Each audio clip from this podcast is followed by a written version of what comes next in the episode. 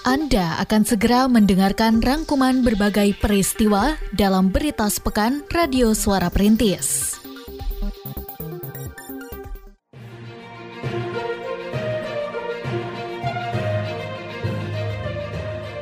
Berita sepekan Radio Suara Perintis FM Kota Sukabumi.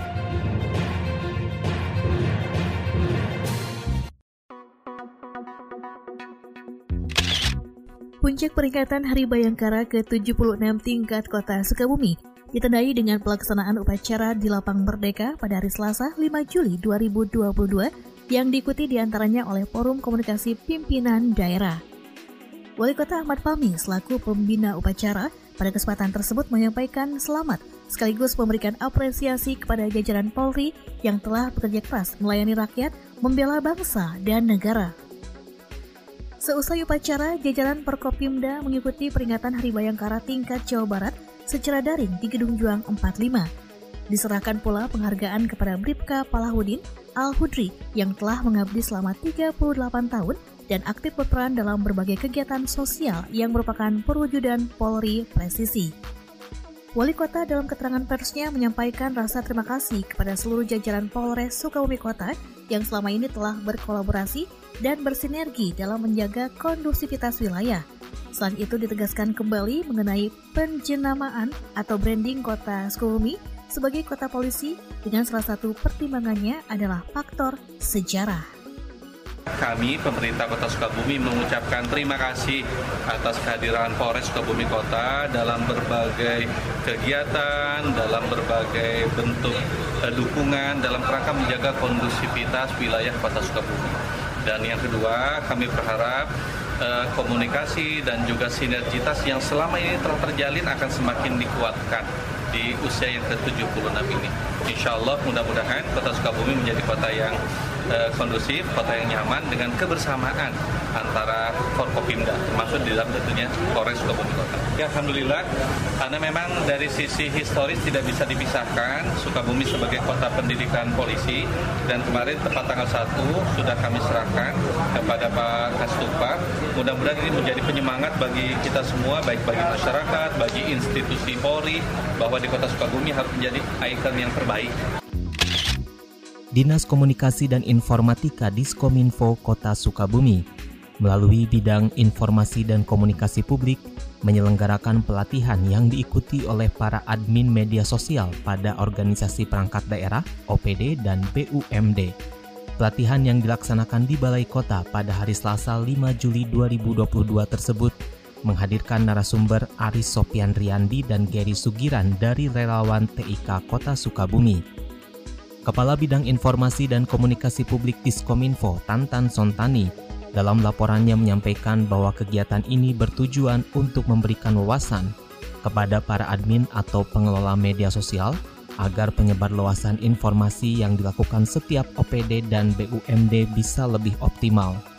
Sedangkan Kepala Diskominfo Rahmat Sukandar kala membuka jalannya pelatihan menegaskan bahwa media sosial OPD dan BUMD harus memiliki tiga fungsi yaitu sebagai corong informasi, kemudian menjadi media interaksi antara pemerintah dengan masyarakat, serta menjadi portal layanan publik.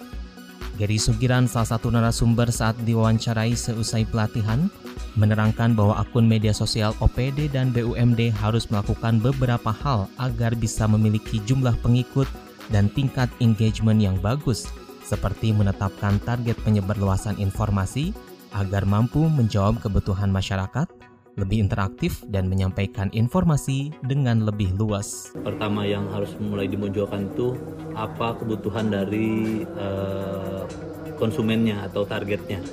Misalnya Daluk, Daluk itu kan tentang pengendalian kependudukan. Target pasarnya apa? Misalnya target pasarnya ibu-ibu yang baru eh, berkeluarga atau ibu atau remaja yang mau berkeluarga. Berarti apa yang dibutuhkan mereka informasi-informasi apa yang dibutuhkan. Yang kedua, sosial media atau yang dikelola oleh pemerintah itu kadang-kadang kaku. Itu yang menyebabkan tidak ada interaksi, tidak ada komentar, tidak ada like dan sebagainya. Sehingga uh, follower tuh enggan berinteraksi. Caranya gimana? caranya menganggap bahwa follower itu human orang gitu sehingga uh, orang itu inginnya di, disapa misalnya. Wali Kota Ahmad Fahmi meninjau pembangunan rabat beton Jalan Gang Mulut memanfaatkan program pemberdayaan rukun warga P2 RW di RW 2 Kelurahan Cipanengah, Kecamatan Lembur Situ pada hari Rabu 6 Juli 2022. Turut mendampingi wali kota dalam peninjauan tersebut, yakni PLT Camat Lembur Situ Sandra Teguh dan Lurah Cipanengah Ujang Sobandi. Lurah Cipanengah menerangkan bahwa 8 RW yang ada di wilayahnya rata-rata memanfaatkan P2 RW untuk membangun dan memperbaiki jalan, seperti dengan pengaspalan jalan sepanjang 102 meter di RW 5. Saat ini jelasnya, 2 RW sudah selesai melaksanakan P2 RW dan lainnya tengah dalam proses pembangunan dan sisanya baru akan memulai pekerjaan pada pekan depan. Sementara PLT Camat Lembur Situ menjelaskan bahwa P2 RW memang lebih diprioritaskan untuk pembangunan sarana dan prasarana publik. Dan sejauh ini, selain di Kelurahan Cipanengah, program ini juga tengah dikerjakan di Kelurahan Sindang Sari. Diharapkannya P2 RW yang dilaksanakan di 53 RW dapat memberikan manfaat bagi masyarakat. Pelaksanaan untuk P2 RW sudah hampir uh, lima kelurahan itu sudah ditandatangani kalau untuk pengerjaannya yang kita sudah monitoring sudah dilaksanakan itu uh, baru dua wilayah Cipanengah maupun uh, Sindang Sari kemarin. Uh, karena memang kita kan perbatasan yang antara kota dan kabupaten memang uh, fisik itu lebih diprioritaskan dibandingkan uh, dengan yang lain-lain adanya kegiatan P2 RW ini uh, masyarakat bisa uh, lebih merasakan hasilnya ya yang dalam hal ini uh, melalui Pak Wali Kota ya melalui Pak Wali Kota semua program-program yang ada uh, dari Pak Wali bisa langsung menyentuh ke warga masyarakat.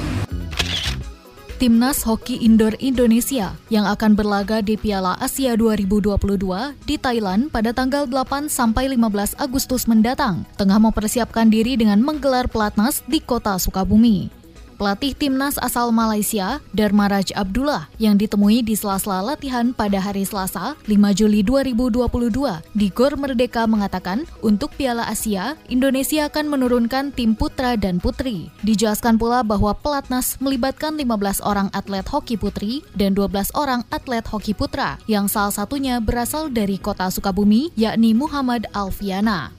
Ia juga menjelaskan sesuai dengan arahan Federasi Hoki Indonesia, pada Piala Asia mendatang, timnas ditargetkan meraih prestasi, meskipun tampil perdana pada turnamen yang diselenggarakan sejak tahun 2008 tersebut.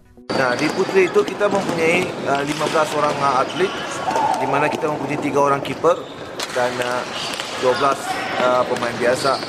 Manakala di putra itu kita mempunyai 13 orang uh, pemain, uh, 12 pemain, uh, 11 pemain biasa dan dua kiper. Kita uh, berlatih di Sukabumi ini uh, untuk uh, kejuaraan Asia Cup di Bangkok yang akan bermula pada Agustus 8 Agustus hingga 15 Agustus. Nah, ditarget oleh apa Federasi Hoki Indonesia ialah untuk pemenang uh, pingat ya. Kedua-dua pasukan ini harus uh, menang pingat. Ya, tak kira lah apa pingat, tetapi mereka harus menang pingat, pingat apa menang pingat waktu di Cup nanti. Kata kader memiliki beberapa makna tidak ada batas waktu pengabdian, memiliki kemampuan untuk menumbuh kembangkan organisasi dan mampu melakukan proses regenerasi. Oleh karena itu, para kader PKK diharapkan mampu memahami hal tersebut sehingga bisa membesarkan dan memperkuat organisasi PKK. Demikian disampaikan oleh Wali Kota Ahmad Pami saat memberikan sambutan dalam peringatan Hari Kesatuan Gerak PKK ke-50 tingkat Kota Sukabumi pada hari Rabu 6 Juli 2022 di Gedung Juang. Pada bagian lain sambutannya, ia mengharapkan PKK melalui berbagai program seperti Sahabat Dasa Wisma, Sahabat Gelis, dan Sahabat Remaja Sehat mampu memberikan pelayanan terbaik kepada masyarakat.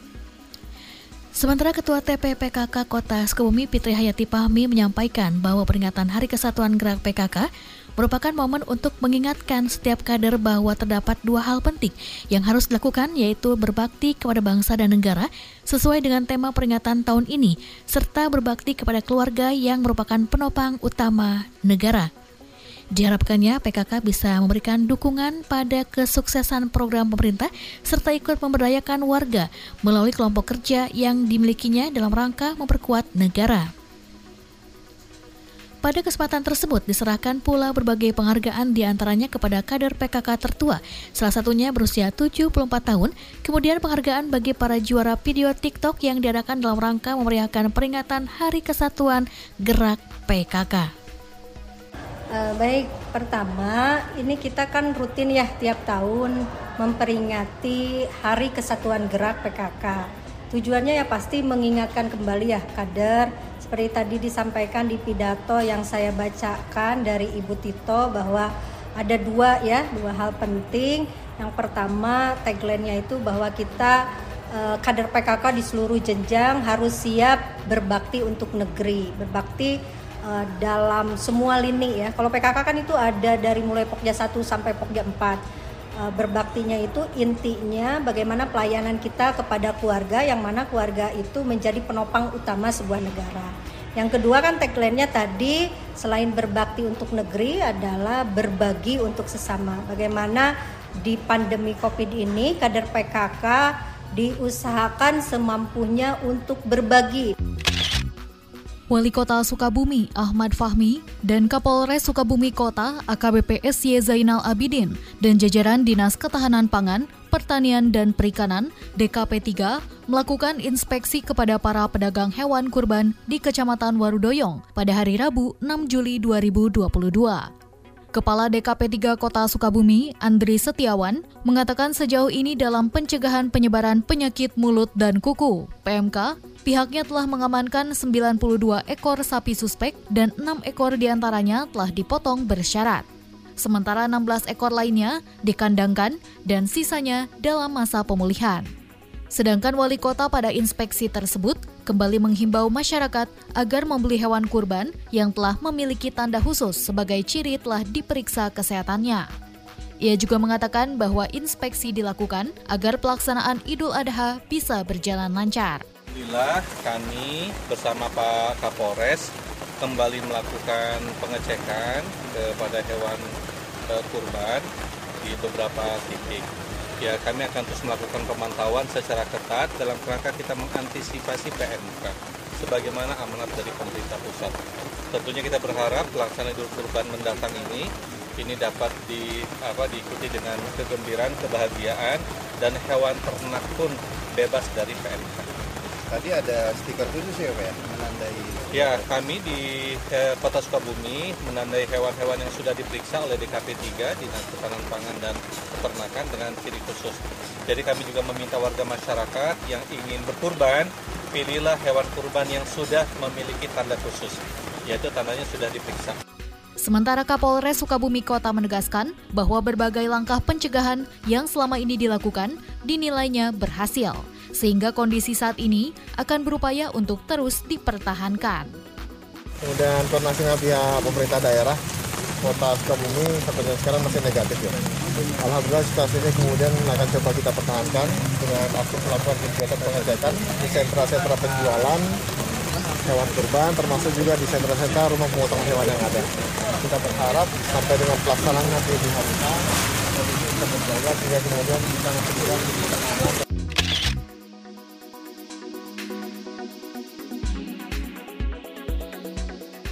Demikian berita sepekan Radio Suara Perintis edisi kali ini. Dengarkan program berita kami, berita seputar kota, yang disiarkan dari Senin malam hingga Minggu pagi, pukul 18.30 dan 06.30 waktu Indonesia Barat.